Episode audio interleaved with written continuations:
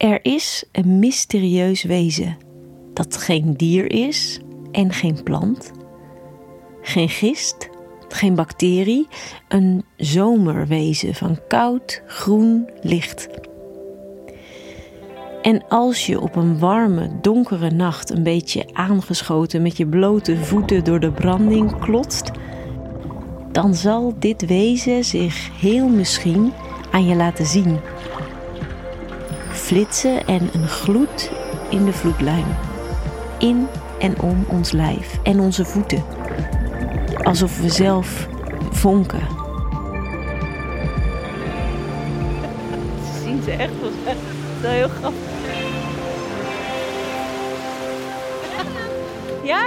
Hebben jullie er één?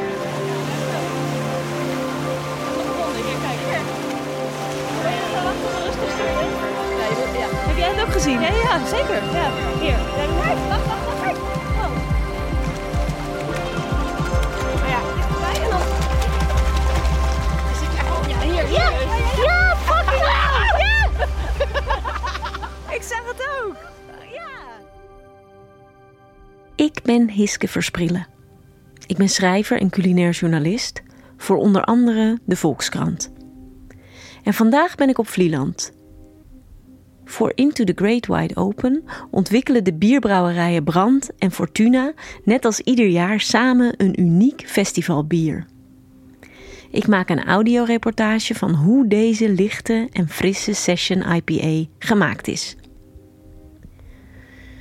Bier maken is best een ingewikkeld proces eigenlijk.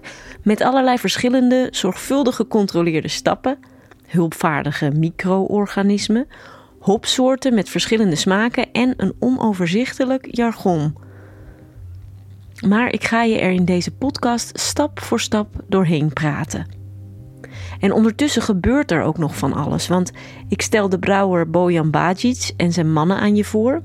Het bier moet ook nog een naam krijgen, dat blijkt best een klus. En er is een geheim ingrediënt.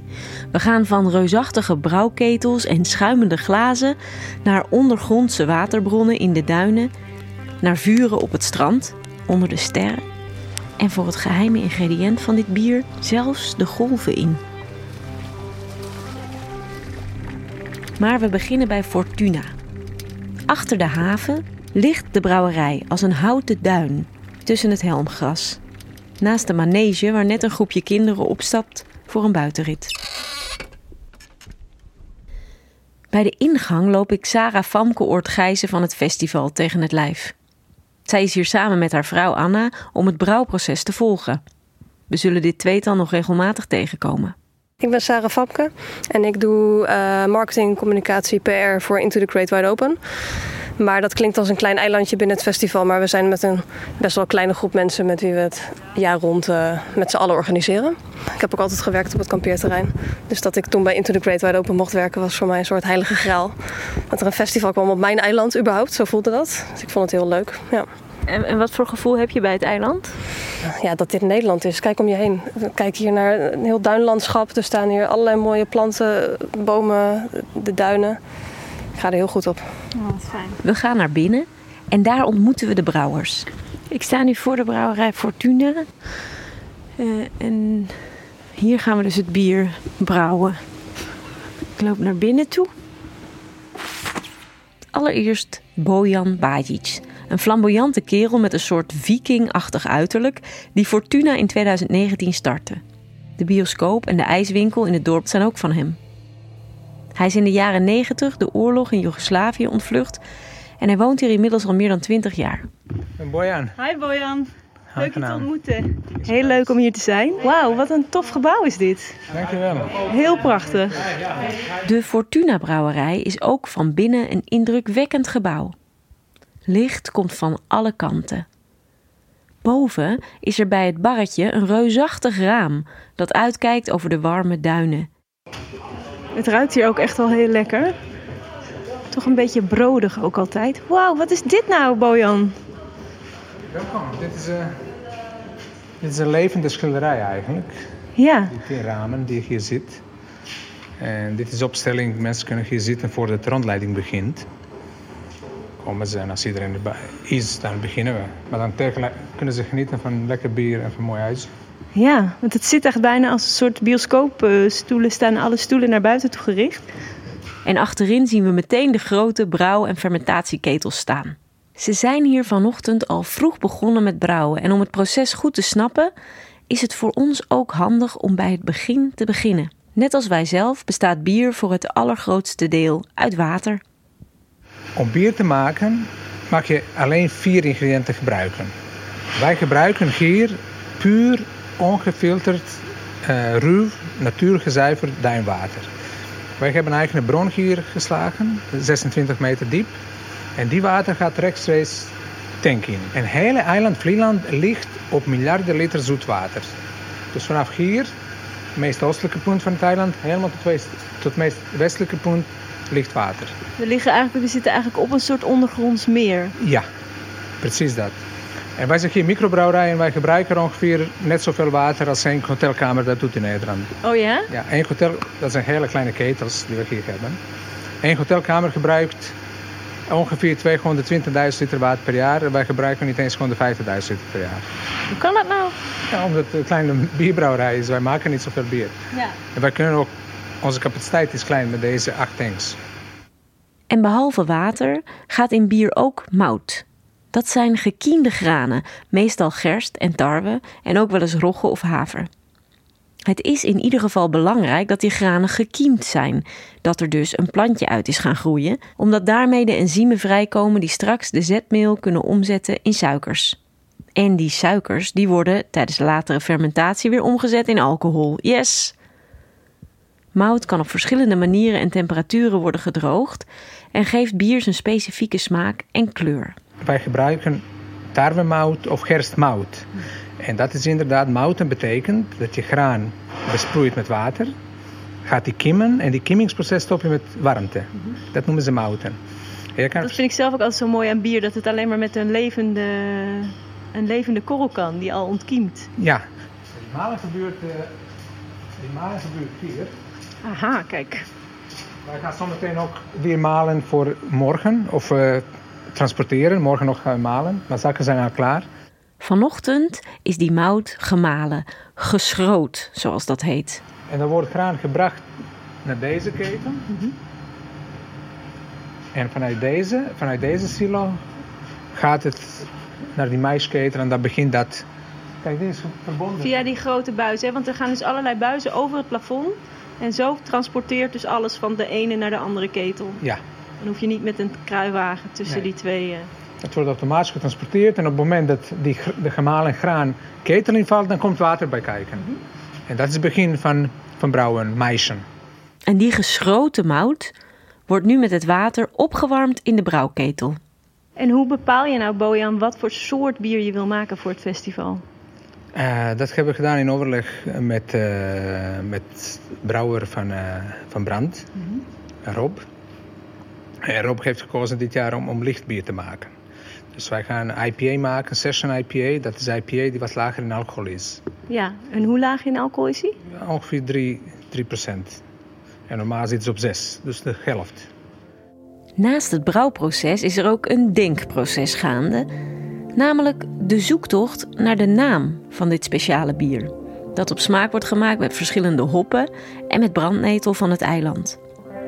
Vorig jaar heette het festivalbier Vlierenfluiter. Dat was een New England IPA, een NIPA, met vlierbloesem en dat was een groot succes.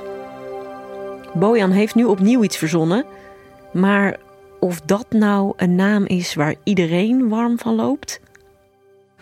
En dit jaar dacht ik aan. ehm, wij zitten nu in de tijd. Eerste warme dagen eh, in voorjaar, dat zijn pas nu. En dan gebeurt iets bijzonders in, in de Waddenzee. Eh, mosselen gaan melken. Eigenlijk komt mosselzaad nu vrij. Eh, ja, sommige mensen vinden zaad niet leuk, maar in het algemeen wel. Maar, maar, mos, nee, maar mosselzaad komt vrij. En de hele zee verkleurt. Een beetje, beetje roosachtig kleur van die mosselzaad. Rozig, ja. Ja, rozig. En eh, door, door die mosselzaad ontstaan zaadbanken. Dat zijn plekken in de Waddenzee dus waar zaadbanken ontstaan. En uit die zaadbanken komen mosselbanken. Maar zaadbank vind ik leuk, want omdat iedereen gaat denken, wat bedoelen ze mee? Zaadbank. De reacties zijn mm, niet onverdeeld enthousiast. Ik vind zaadbank echt smerig. waarom? Bij zaadbank heb ik zo sterk de associatie met sperma. Sommigen juist dan denken, die associatie vinden ze juist aangenaam. Ja, Je weet het nooit. Uh, smaken verschillen. dat is waar. Maar wat was nou ook alweer dan de link tussen de zaadbank überhaupt en dit bier? Uh, dat wij naar de zee gaan, dacht ik. En dat wij uh, kijken of er nu die melk of ja. die, die mosselzaad uh, rondzwemt. En dat we een beetje nemen en dat we dat in de ketel doen. Als soort toevoeging. Ik word helemaal niet goed van, joh. Nou, daar is het laatste woord in ieder geval nog niet over gesproken. Nou, moeten wij aan de slag, dames. Ja, we moeten echt aan de slag. We moeten straks een we dachten servetje en een pen hebben. Dan Ja. kunnen we vrij associëren. We gaan weer even terug naar het brouwproces. Onze geschroten mout is dus in de brouwketel gegooid met heel veel warm water uit die onderaardse bron. Het opwarmen van deze papachtige massa heet maisen. Daarbij komen de enzymen vrij die het zetmeel dat in de mout zit afbreekt tot suikers. Want weet je nog, suikers, alcohol. Dus wij hebben water, hebben we graan eh, doorgenomen, of mout, graan. Dat meng je met water, dat ga je verwarmen, dan komen eh, zetmeel wordt omgezet in suikers. Maar nu heb je een probleem, in die zin probleem, die, die kaften van die graan, die moet je filteren. Die moeten uit, want jij hebt alleen eh, vloeibaar... eh, Ja, je wil geen pap, je wil bier. Precies. Daarna wordt de heldere vloeistof gescheiden van de vaste delen. Ja, midden in die tank zit een zeef. Ja. En die kaften, dat is zeef met hele dunne sleuven erin. En die kaften van de graan komen in die sleuven. En die vloei, suikerhoudende vloeibare eh, ja, wort noemen ze dat, bier in wording. Die komt hier naar beneden en die wordt gepompt naar die ketel. Ah ja. Ja, en dit is dus de, eh, de gebruikte graan. De gefilterde zoete vloeistof heet wort. En het overblijfsel, de moutresten, heet de bostel. Dus niet borstel, maar bostel. En de bostel gaat naar de paarden van de buren. Die eten dat op. Dat heet borstel, hè? Die, eh, die... Bierborstel, ja. En onze bierborstel gaat naar de paarden. Nadat we de bostel naar de paarden hebben gebracht, gaan Bojan en ik een rondje lopen door de duinen met zijn hond Max.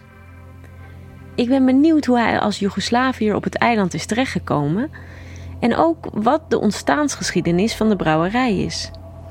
Ehm, stukje lopen? We gaan een stukje lopen. Ja? Gaan we even een stukje lopen. Max mee.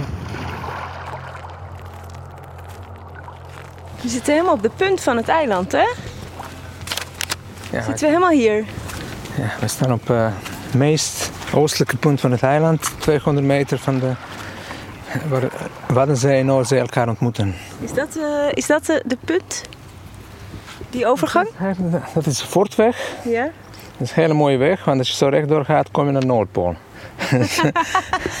Hoe oud is Max? Max is 3,5.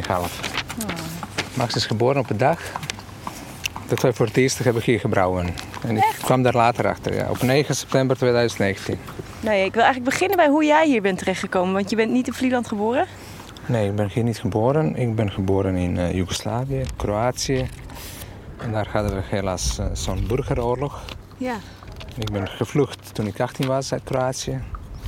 En dan ben ik via Servië ben ik naar Nederland gekomen. En waar, waar woonde je in Kroatië? Had je toen ook al iets met de zee? Ja, ik woonde in de buurt eh, van de zee, Dalmatië. En eh, de mooiste herinneringen heb ik uit die tijd toen ik met mijn moeder naar, de, naar onze vakantiehuisje ging. En, en eh, de zomer lang daar verbleef. Dat was eh, mooi. En toen ik 14 was begon die oorlog en dan uh, alles was anders. Ja, wel. Kan, kan snel omslaan. Maar je bent hier wel dus hartelijk ontvangen door Vlieland. Ja, veel mensen zijn hier uh, gastvrij. En uh, men leeft hier vooral van toerisme. En wij wonen hier met, met 1100 man. Maar er komen 220.000 toeristen per jaar, plus min. Het is maar 1100 mensen die hier wonen. Ja. Dus wij zijn een hele grote familie hier samen met alles wat erbij hoort. En toen je hier dan eh, naartoe kwam, Ja? ehm, ben je hier toen ook gaan werken? Ja, ik heb eerst gewerkt als kamermeisje in een hotel hier. En eh, daarna heb ik van alles gedaan. Gewoon eh, fietsen gerepareerd, eh, stratenmaker, kapper, schilder. Gewoon van alles om bezig te zijn, om taal te leren, om mensen te leren kennen. En dat, dat was eigenlijk nog een hele mooie tijd hier. Waren er dingen aan Nederland waar je erg aan moest wennen? soms klagen om niks. Weet je, dat vind ik soms lastig. Een beetje, omdat, ik denk omdat alles hier zo goed geregeld is, is soms saai en dan gaan mensen klagen. Ik denk als, als eh, discipline klagen bij Olympische Spelen zou zijn, dan is Nederland altijd de winnaar. En op een gegeven moment ben jij ehm, het podium begonnen, hè? of was dat voor, of eerst de ijssalon? Nou, ik werkte in uh, fietsenmaken, Bij de fietsverhuur. bij fietsverhuur, ja. Dan kwam ik een, eh, een man tegen en wij raakten bevriend. Eh, ergens diep waren we verbonden. En ondanks dat we eigenlijk totaal verschillend zijn, eigenlijk totale contrast. Maar dat levert vaak ook mooie dingen, contrast. Op wat voor manier was er dan een Ja, contrast? qua manier kijken naar het leven en, eh, of eh, manier van denken of doen. Ze hebben eigenlijk dingen gemaakt die niemand doet op Vlieland, maar die wel vroeger waren. En wij zijn ze opnieuw begonnen. En eh IJssalon, dat is heel hard werken, vooral in de zomer. En in de winter gebeurt er niks. Maar in de winter gebeurt meer in, in dat klein theater, in het podium, wat we doen. Dus dat is een mooie balans. Maar toen ik begon te ondernemen, hier op Vlieland, ik, ik ging met andere ogen kijken naar de, naar wat hebben we hier op Vlieland, wat, wat maken we. En ik zag eigenlijk dat we heel veel producten die naar Vlieland dragen, verkopen aan onze gasten, maar die producten komen niet van Vlieland. Het is soort, ik noem dat, mensen worden ambachtelijk voorgelogen. En toen dacht ik, laten we gewoon iets hier maken. Weet je, ik van maken, eh, fietsen maken, straten maken. eh, ik Ik hou van iets met mijn handen doen en iets maken. En toen zag ik dat we, wat ik gisteren al zei, zag ik dat we heel veel water hebben op Vlieland. En niet alleen overschot aan water, we hebben ook eh, heel goed water qua kwaliteit. En dat is basisingrediënt voor de bier. Want niet dat ik gek op bier ben, ik ben gek op alle soorten alcohol.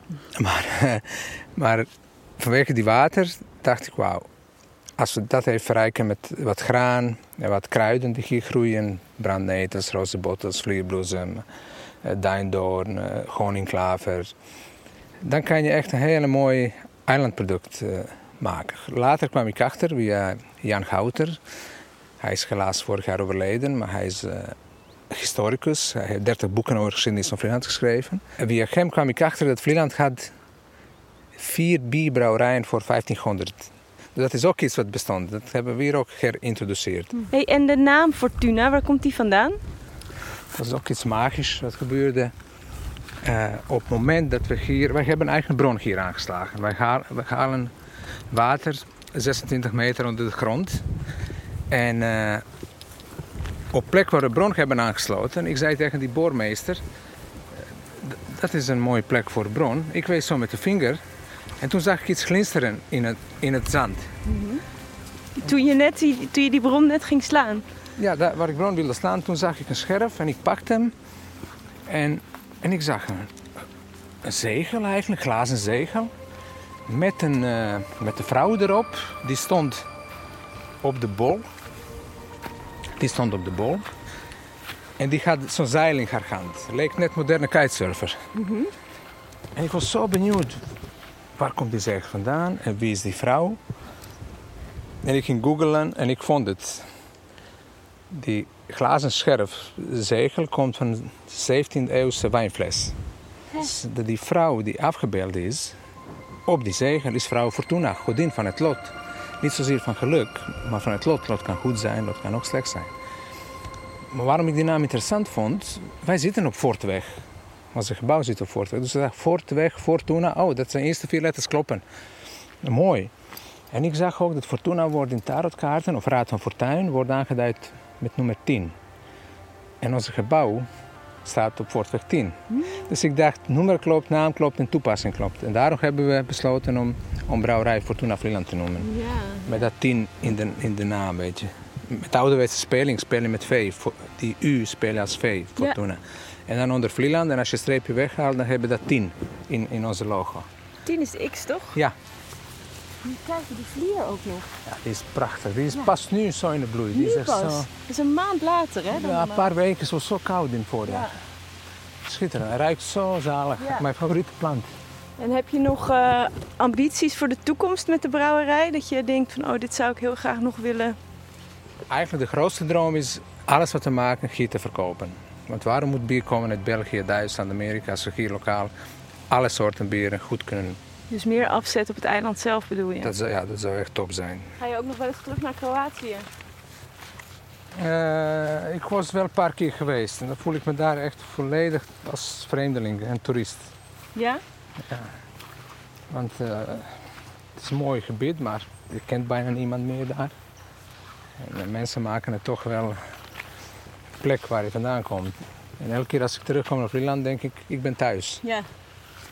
Ik voel, want ik heb nog nergens zo lang gewoond als op Vlieland. Hier woon ik al 22 jaar. Het enige wat ik beangstigend vind, de tijd zo snel voorbij gaat. Ik heb het gevoel dat ik gisteren ben gekomen. Maxi, kom maar.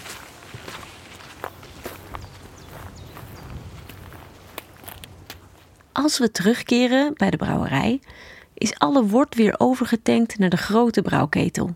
De volgende stap van het brouwproces is namelijk dat die moet worden gekookt. Hierbij worden ook alvast smaak- en conserveringsstoffen toegevoegd. Dus nu komt 2000 liter wort komt in die ketel en wij gaan nu koken. En bij de koken voeg je normaal gesproken gop toe. Ja. Want gop zorgt voor aroma en voor bitterheid van het bier. Gop is sterk ook conserveermiddel. Gop is antibacterieel. Vooral bij IPA's, want die naam IPA eh, komt. Engelsen hadden vroeger heel veel koloniën. Indië was van Engeland. En die deftige Engelse heren willen graag een pale ale drinken, Engelse bier. En die bier werd verscheept uit Londen naar Indië. Dat duurde soms vier, vijf maanden. En die bier werd verzuurd of kapot. Eh, was niet te drinken. Ja. En de Engelsen dachten, hoe gaan we dat oplossen? En ze hebben extra gop toegevoegd. En bier kwam wel goed aan. Want gop heeft de bier geconserveerd. En daarom heet het IPA. Dat betekent India Pale Ale. Dat is Pale Ale die bestemd is voor Indië. Ja, ja, dus het is niet dat IPA uit India komt, Nee, maar het is omdat het naar India gaat. juist. Oké. We kunnen een stuk gop proeven. Oké, er is hier een grote vriezer. Ik zie in ieder geval al... Wij gebruiken, wij gebruiken geperste gop. Oh ja, het zijn een soort konijnenvoerachtige Ja, korrels. Groen. Oh ja, ik ruik het meteen, ja. maar dan in combinatie met het, met het zoete van het bier. Ja. En de bittere en aromatische van de gop. Opeens ontstaat zo'n smaak van gele fruit. Wat je zegt van passievrucht. Ja, van citroengras. Ananas soms, citroen. Ja, het is echt goed bitter. In deze IPA komt dus die, komt dus die eh, hop die we net hebben Er geproefd. komen vier verschillende soorten gop. Oké, Vier. Amerikaanse. En die zorgen van dat, wat je zegt, passievrucht, citrus. Van dat eh, frisse smaak. ja. Er gaat ook brandnetel in het bier. Zijn dit brandnetels? Ja, dit zijn brandnetels. Geploekt hier eh, in de duinen. En gedroogd? En droog. Ja, en klaar voor gebruik. Ik zie dat ze niet meer prikken, want je zit er echt ongeveer tot je elleboog in. Ja, ja een beetje nog denk ik, maar het valt mee niet. Mooie geur. Ja, het ruikt heel groen en hooiig. Ja, dus we hebben de hop, we hebben de brandnetel, Ja. de vlier en de We doen roos. een beetje vlierbloesem, een beetje roos. Maar brandnetels is nu eigenlijk hoofdspeler qua kruiden. We gaan nu brandnetels voorbereiden, want die worden zo meteen gekookt. Dus die gaan meekoken. Die gaan meekoken. Hoop was dus in eerste instantie een conserveermiddel, maar wordt nu vooral voor de smaak gebruikt.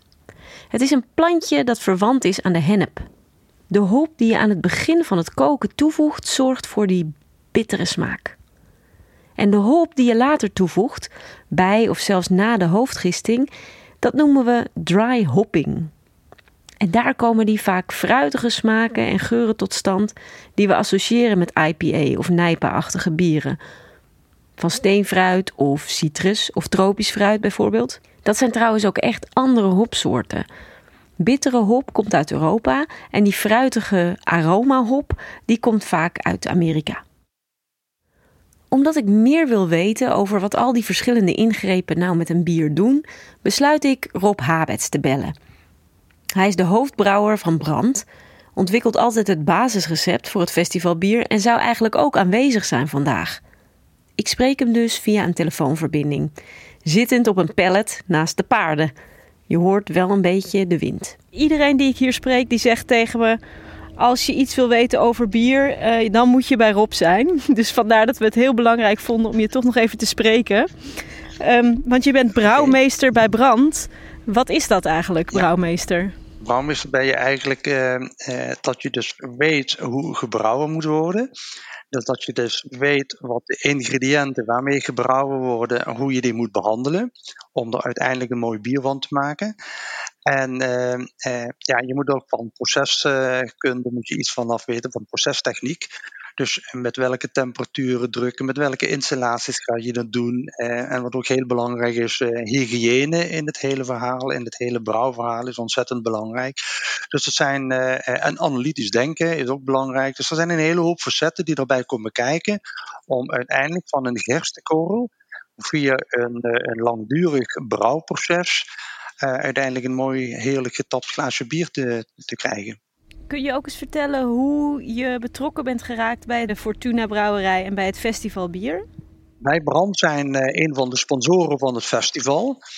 En, uh, en, en het festival had ieder jaar uit de brouwerij Fortuna uh, dat ze een biertje brouwden wat voor het festival gebrouwen werd. En dan leek het vanuit de brandmarketing ook een leuk idee om het eens een keer in collaboration te doen met de, met de sponsor, de bierbrouwerij Brand, in samenwerking met uh, Fortuna, om dat biertje wat ze jaarlijks voor het festival brouwden, om dat een keertje samen te doen met Brand en Fortuna samen. En zo zijn we dan drie, twee jaar geleden, moet ik zeggen, zijn we begonnen. Uh, toen hebben we het eerste gebrouwen in, in Hoppy Weitze. En Bojan heeft hem toen de Wanda Weitze genoemd.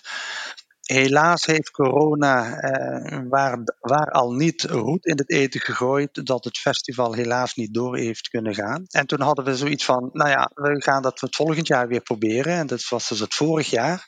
En toen hebben we een, een Nijpa gebrouwen, een New England IPA. En die is zeer goed in de smaak gevallen, want het festival is gelukkig toen wel door kunnen gaan. En dit jaar heb ik eigenlijk gekozen, en dat is wel heel erg leuk en opmerkelijk, eh, dat, we, dat ik gekozen had voor een Session IPA. En dat was ook het idee van, van de organisatie om, uh, om een, een lichter bier te gaan brouwen. Uh, maar wel een IPA, een goed, mooi, fruitig, doordrinkbaar bier. Ja, want wat onderscheidt dan een Session IPA van een andere IPA? De, de Session IPA is een iets wat laag alcoholisch bier. En dan moet je denken dat een IPA normaliter tussen de 6 en soms zelfs 8 volumeprocenten alcohol zit. En de Session IPA die ligt zo'n beetje vanaf 2,5 tot max 4. En wij gokken een beetje, wij mikken een beetje rond de 3 volumeprocenten alcohol. Hoe gaan we nou straks aan het bier merken of het gelukt is of niet? Wat categoriseert nou een goed gelukt bier? Ja, de, wat ik belangrijk vind is dat de, dat recept wat ik geschreven heb, uh, waarbij uh, het alcoholgehalte en het restextract wat er over moet blijven, dat deze gehaald worden, want die bepalen uiteindelijk uh, de doordringbaarheid van het bier. Um, de bitterwaarde, wat belangrijk is, is dat die niet te hoog is. Ook dat is heel erg bepalend voor, voor het bier. Eh, want die beïnvloedt ook die doordringbaarheid en dat, en, uh, en, en uitnodigend van het bier. Als het bier te bitter is, dan, uh, dan ja, wordt dat niet zo vaak als positief geapprecieerd. En natuurlijk die fruitige neus. Die fruitige neus, die, dat aroma wat aan het bier zit van die hoppen die we gebruiken. Ik heb nu voor vier verschillende hoppen gekozen in de draaihopping. Waarbij het accent op die hoppen ligt op het zachte fruit en niet op het wat harde fruit. En het harde fruit, bedoel ik de citroen en de limoenachtige geuren en smaken. Maar meer naar de, de, de, de mango eh, smaken en de sinaasappel en de passievruchten. Naar die kant wil ik het biertje eh, meer laten uh, ruiken en proeven. Maar citrushoppen, die zitten, of de citrusmaak moet ik zeggen, die zitten eigenlijk in alle hoppen aanwezig. Dus het zal zomaar zijn dat de citrus ehm, ook wel sterk aanwezig is, maar niet te sterk dat die overheersend is. Als ik terugkom van mijn telefoongesprek, is de rest van de groep al boven. In het barretje met dat prachtige uitzicht. We drinken een biertje, een vlierenfluiter van vorig jaar. En we breken ons nog steeds het hoofd over de naam van het bier. Bojan vertelt dat hij onlangs s'nachts is gaan zwemmen en dat de zee toen vol zat met lichtgevende zeediertjes. Dat verschijnsel heet zeevonk. De zeevonk, dat is een lichtgevende algen in de Noordzee. En dan heeft iemand een idee. Zeevonkje. Session is licht. Ja, dat licht. Vonk is licht. Zeevonk. Mag ik een zeevonkie? Dubbel licht. Mag ik drie zeevonkjes? Mag, mag, doe maar zo'n zeevonkje. En dat geeft ook brandnetel, dat geeft ook vonkje als Ja, je want je hebt vuur op je been, zeg maar. Je hebt eh, brand op je been. Vonkje, lekker licht. Maar wat is die zeevonk nou eigenlijk voor een beest? Is het wel een beest? Sarah Famke kijkt op Wikipedia. Zeevonk lijkt een beetje op een ballon met een tentakel. Deze microbe wordt ongeveer 1 à 2 mm groot. Het is een eencellige dinoflagellaat en behoort tot een microalge. In tegenstelling tot de meeste algen gebruikt zeevonk geen zonlicht om voedsel te maken, fotosynthese. Dit is een van de redenen waarom wetenschappers er nog niet helemaal uit zijn of zeevonk nou meer op dieren of op planten lijkt. Het heeft bepaalde kenmerken van een plant, maar moet ook andere organismen eten om in leven te blijven. Het is dus geen echte microalg, maar ook geen echt dier. Maar doen we in het zeevonk of zeevonkje? Zeevonkje, nee. Zeevonkje is wel lieflijk, hè? Lieflijk. Ja, vind ik ook wel. Zeevonkje. Ja. Zo schattig. Schattig, hè? Ja. Je zegt ook iets makkelijker, mag ik twee zeevonkjes? Dan Ja. mag ik twee zeevonken. Ja. Ja. Bojan belt zijn partner Gosse om het voor te stellen. Gosse, goedemiddag. Goedemiddag. Ik eh, zit hier met drie dames. En ik heb naam eh, Zaadbank laten vallen, maar zij hebben meteen sperma in hun hoofd. En dat voelt niet goed. Voelt het goed? Dit is mijn grens. Het voelt niet goed. En ik ga toch op intuïtie van dames, is voor mij nog belangrijker dan eh, mijn eigen intuïtie. En eh, wij, wij kwamen eigenlijk tot de conclusie dat zeevonk voor dit bier zou een perfecte naam zou zijn. Eh, wat is jouw gevoel hierover? En besluiten we, als het bier zo heet, moeten er dan eigenlijk misschien ook zeevonkjes in? Maar die zijn er toch bijna nooit? Ik vind het echt magisch. Als je een bier brouwt met zeevonk erin. Maar hoe mooi zou dit zijn om zeevonk te vangen? Ja, en dat dan in een bier te Ja. stoppen. Dat is leuk hoor. Eh, vannacht als het donker is, maar dat is vrij laat, ik denk pas na 12 uur, is het, het Ja. moet echt donker zijn om dit goed Ja, te het is kunnen pas zien. om, eh, na 12 uur pas echt donker. Ja, en als je loopt dan, dan, dan is het echt niet normaal wat je ziet. Dat, dat is schitterend. Als je zwemt tussen zeevonken, dan lijkt het alsof je door heelal zwemt. En je gaat naar boven en dan zie je sterren. Het is echt bizar. hè. Sterren om je heen, sterren boven. Helemaal donker. Prachtig. Magisch. Nou, we gaan op zeevonkjacht. Die avond, tegen middernacht, rijden we met z'n vijven in de bus van Bojan naar het strand. Sarah Famke, Anna, Marinte, die de foodprogrammering doet voor het festival, en Bojan en ik. Het is hoogzomer en warm. Er is nog wat licht aan de horizon als we door de duinen rijden. Maar het duurt niet lang meer of de lucht is zwart en bezaaid met sterren. Bojan heeft een lege fles bij zich, een jerrycan benzine en twee grote oude pallets. Wacht van brand. We moeten iedereen wat meenemen. Ja, zeg het maar. Water, wijn, glazen. Oké. Pak, pak.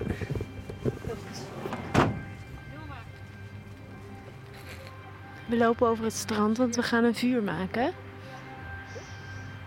Maar de zee is echt super ver weg. het is nog steeds niet helemaal donker. Het is bijna middernacht. Zie in de verte zie ik wel de golven en ook ehm Sarah Famke en Bojan. Want die zijn alvast begonnen met het opstapelen van de pallets die ze dus straks in, in brand gaan steken. En we gaan op zeevonkjacht. Maar nu ik de zee echt zo zie, kan ik me bijna niet voorstellen dat daar straks iets in gaat oplichten. Want is echt best wel donker. Oh ja, wat doe je? Ik maak een eh, cirkel om, om de plek waar we vuur gaan maken. Om vuur een beetje af te bakenen. Oh ja. Verborgen te houden voor ons. Oké. Hij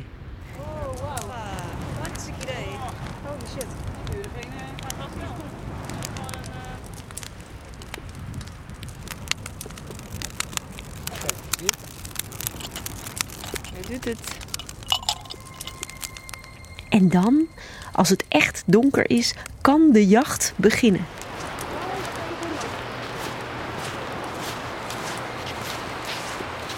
Nu begint de zee.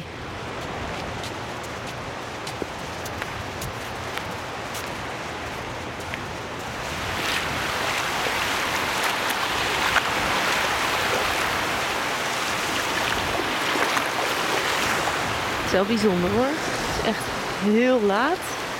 Op het strand brandt het eh, kampvuur. En ik loop nu de zee in om te kijken of ik straks al iets zie licht geven. Maar volgens mij zie ik nog niks. Het water is wel heerlijk. zie je er een, Marinte? Heb je er al een gezien? Ja, zie je het echt? Ja, geen. Een blauw puntje? Nee, dat meen je niet. Grappig, anders dan gebeurt er niks. Ik dacht ook dat ik wat zag, maar misschien zit het in mijn hoofd. Dan zag ik het weer. Nou, zie je? Dan weet je dus dat je niet achterlijk bent. ja, ik zag het. Hier. Hier. Misschien verbeelden we ons het wel. Het is wel raar dit. Gevonden? Marinte zegt, die is van overtuigd dat ze ze ziet. Oké, nou, gunstig. Dan moet zij ze maar vangen. Ja. Eh, ik moet eerlijk zijn, ik geloof er niks van. Maar dan.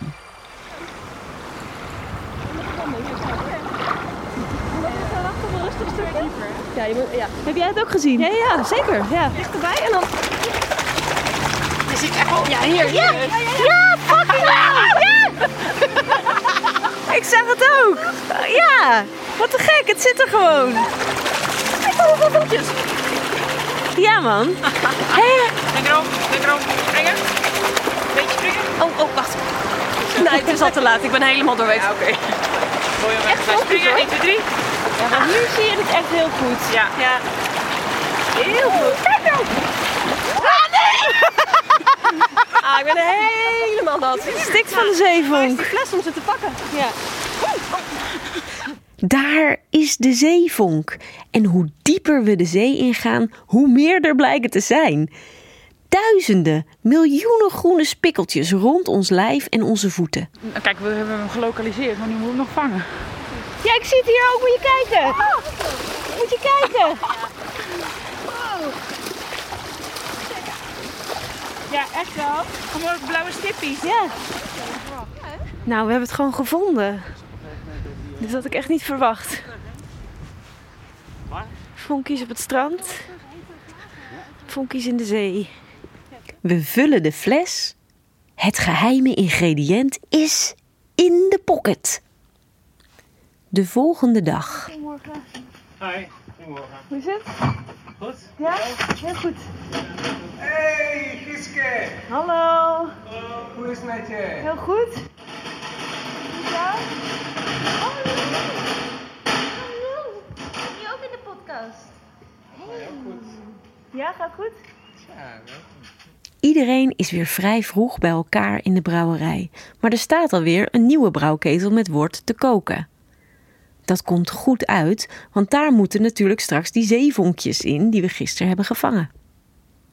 Maar eerst volgen we nog even de volgende belangrijke stappen in het brouwproces.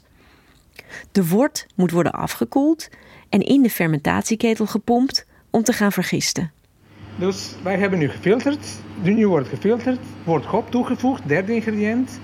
En na de koken, na de koken nu, wordt die bier van 100 graden snel afgekoeld naar 20 graden. Het wordt afgekoeld, kijk, ik laat je even zien. Kom even mee. Grote, grote machine met allemaal buizen en slangen. Ja, en hier gebeurt het eigenlijk.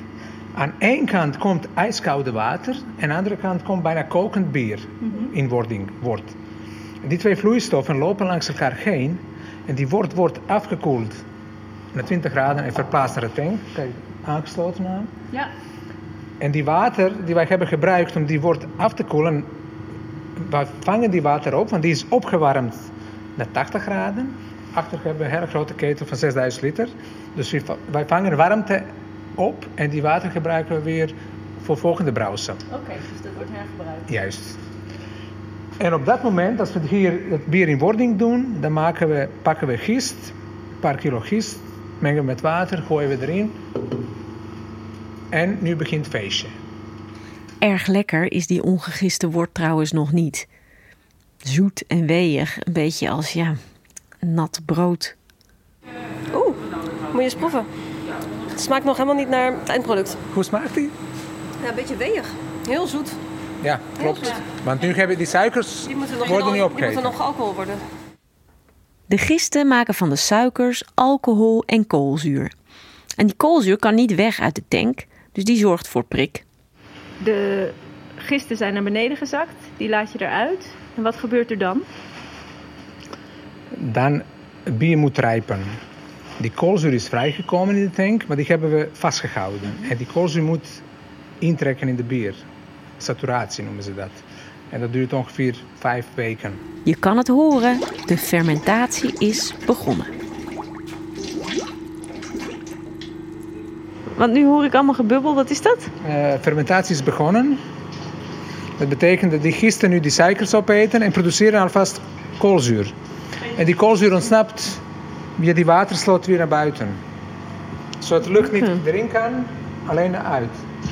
In die ketels gaat het bier ook rijpen. Ja, want het zit dus onder druk in die tank. En daardoor blijft dat gas, koolzuurgas erin. Omdat de gas kan niet ontsnappen. Ja. Toen gisteren hebben die suikers opgegeten, die hebben gas geproduceerd. En die gas blijft in de tank. Die staat onder druk. En omdat het onder druk staat, die trekt in. En omdat het eh, vloeistof afkoelt, die trekt erin. Ja. En dan hebben we op natuurlijke manier eigenlijk eh, eh, bier verzadigd met koolzuur. Wij voegen geen koolzuur toe. Tijdens dat rijpen, of lageren heet het ook wel, kan het bier op een lage temperatuur nagisten en ook meer smaak krijgen samen met die aromatische hoppen van die dry hopping, weet je wel. De overblijvende gistdeeltjes die bezinken en er wordt nog extra koolzuurgas gevormd. Dus bier rijpt, alle gisten eruit, bier is, bier is bezadigd, eh, verzadigd met koolzuur en dan is bier klaar om gebotteld te worden. Proeven, bottelen. Bier vloeit uit de tank die koepel in Ja. en daar wordt die gevoeld. Daar komt de dop erop en daar worden flessen in doos gestopt. Tape erop, klaar. Helder. Eh, en een deel gaat dus in fles en een deel gaat op fust? Ja. En hoe krijg je bier op fust? Eh, rechtstreeks uit de tank zit een, eh, ja, gewoon met de slang. Sluit je first met de slang aan de tank, laat je hem open en dan gaat hij. Ja, dus dat is eigenlijk makkelijker. Dat is makkelijker, ja. Voesten, voesten zijn makkelijker. Maar zover is het nu nog niet voor ons zeevonkjes bier. Want eerst moeten onze magische ingrediënten worden toegevoegd aan de brouwketel. De zeevonkjes die we gisteren zelf hebben gevangen. Sarah Famke heeft de fles bij zich. Als je goed kijkt, dan zie je ze, dan zie je ze zonder dat ze licht geven nu. Ja, ja, ik zie inderdaad allerlei stukjes in de fles. Maar als je hem schudt, geef je nu dus geen licht. Nee, omdat het licht is. Maar misschien als we het in het donker wat uitgooien, dat je het ziet. Wij gaan, wij gaan nu die zeevonkjes die wij gisteren hebben gevangen, gaan wij eh, in de ketel eh, toevoegen Ja. bij het koken van onze zeevonkjebier. En wat verwacht je dat die zeevonkjes gaan doen in het bier? Mm, ze gaan eh, licht geven aan ons bier. Want het wordt heel licht bier. Ja, het wordt licht bier. Session IPA. Lichtgevende, lichtgevende IPA. Lichtgevende vonkjes, licht bier, ja. Met 3% alcohol. Dus het is eerst in de brouwketel gaat, het eh, bier. Dus ze brouwen eigenlijk geen bier, maar ze brouwen dus die wort. Ja. Die suiker uit de tarwe. Dus het gaat eerst in de brouwketel, dan in de klaringskuip, dan wordt het gefilterd. Dan gaat het terug in de brouwketel, dat gaan we nu doen. Dan wordt het gekookt samen met de hop en dus nu samen met de En vonkjes. Dan gaat het in de whirlpool en daar wordt de hop eruit gefilterd. Maar waarom, waarom kan dat dan niet Oh, dat is een ander soort filter. Een ander soort filter. Ja, het is echt een whirlpool. Dus die zorgt ervoor dat de hop naar het midden eh, gaat en de vloeistof die draait eromheen. Dus de gezuiverde ehm, clean vloeistof eigenlijk gaat weer terug naar de, ehm, ja, naar de, naar de brouwketel eh, voor de laatste stap. Oh, hij gaat nog een keer terug naar de brouwketel. Dus hij gaat eigenlijk drie keer in de brouwketel. Ja, als je eventueel nog ehm, dingen zou willen toevoegen, dan zou dat op dat moment kunnen. En anders gaan we vanaf daar rechtstreeks naar de fermentatietank. Want er gaat een, een slang van de brouwketel naar de fermentatietank. Yes. Ja. Helder. De brandnetels gaan er nu ook in. We hebben hier een soort reusachtig theezakje aan een touwtje. Maar Bojan vindt het te weinig. Kijk. Ik hoop dat brandnetel een hele mooi tint groen gaat leveren aan een zeevonkje. Groene vonkjes. Want groen is de kleur van het eiland. Groen en wit. Dames, zijn jullie klaar voor? Dus Anne en Sarah en eh, Sarah Famke gaan samen de zeevonken in de wort gooien. Het is nog wort, toch? Ja, is een woord, ja. Oké, dan gaan we. Het is spannend. Ja, het wort is net gefilterd en het is nu dus vanuit de klaringskuip teruggepompt in de brouwketel. En het is net eh, aan de kook gekomen. Bojan gooit nu dus Ik gooi de brandnetels erin. En daar gaan ze. Ga ik hem weer gooien? Oké, we gaan jongens. 1, 2, 3. Daar gaat hij. Zo, Dag vonkjes. dag vonkjes. Vonk maar je best. Ja, en nu ik dit opneem is het zeevonkjesbier dus nog lang niet klaar. Maar ik hoop echt dat als jij dit hoort, je al die goed doordachte en belangrijke stappen en beslissingen kan proeven die de brouwers hebben gemaakt bij de productie van deze Session IPA. Dus proef eens goed. Is het zeevonkje inderdaad lekker licht en fris en zomers geworden? Heeft het een laag alcoholpercentage waardoor je, als je het overdag tijdens het festival drinkt, niet meteen op je kop staat? Proef je de bitters en de citrusige tonen van al die zorgvuldig uitgekozen hopsoorten? Zie je misschien zelfs iets groens in het bier? Proef je iets kruidigs en aards van de brandnetel? En heb je al het gevoel dat je een beetje licht begint te geven? Ik hoop echt dat je er iets van gaat merken. Van die magische zeevonkjeskracht in je bier. We gaan gezonder weg van het festival dan we aankomen. Ja.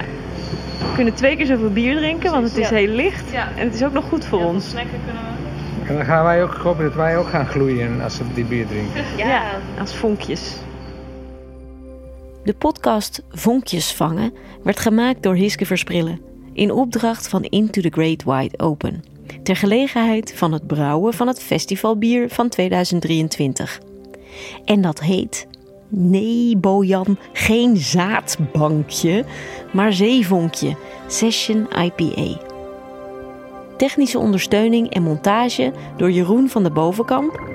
Muziek Tristan Visser. Zeevonkje Session IPA is een samenwerking van Into the Great Wide Open en de brouwerijen Brand en Fortuna. Proost!